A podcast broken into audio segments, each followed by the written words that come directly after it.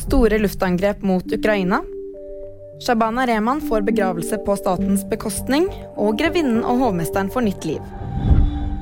Kyiv har blitt utsatt for flere russiske angrep på nyttårsaften.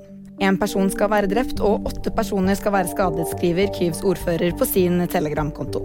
Flyalarmen har gått over hele landet, og i hovedstaden er det meldt om totalt ti eksplosjoner. Shabana Rehman får begravelse på statens bekostning. Komikeren og samfunnsdebattanten blir den første personen med innvandrerbakgrunn som får dette.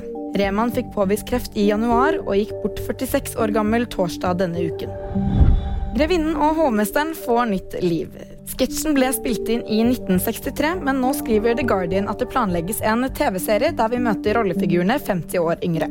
I Norge sendes sketsjen på lille julaften hvert år, men i flere andre europeiske land er dette en tradisjon på nyttårsaften. Og VG-nyheter fikk du av meg, Kaja Stoltenberg. Thank you.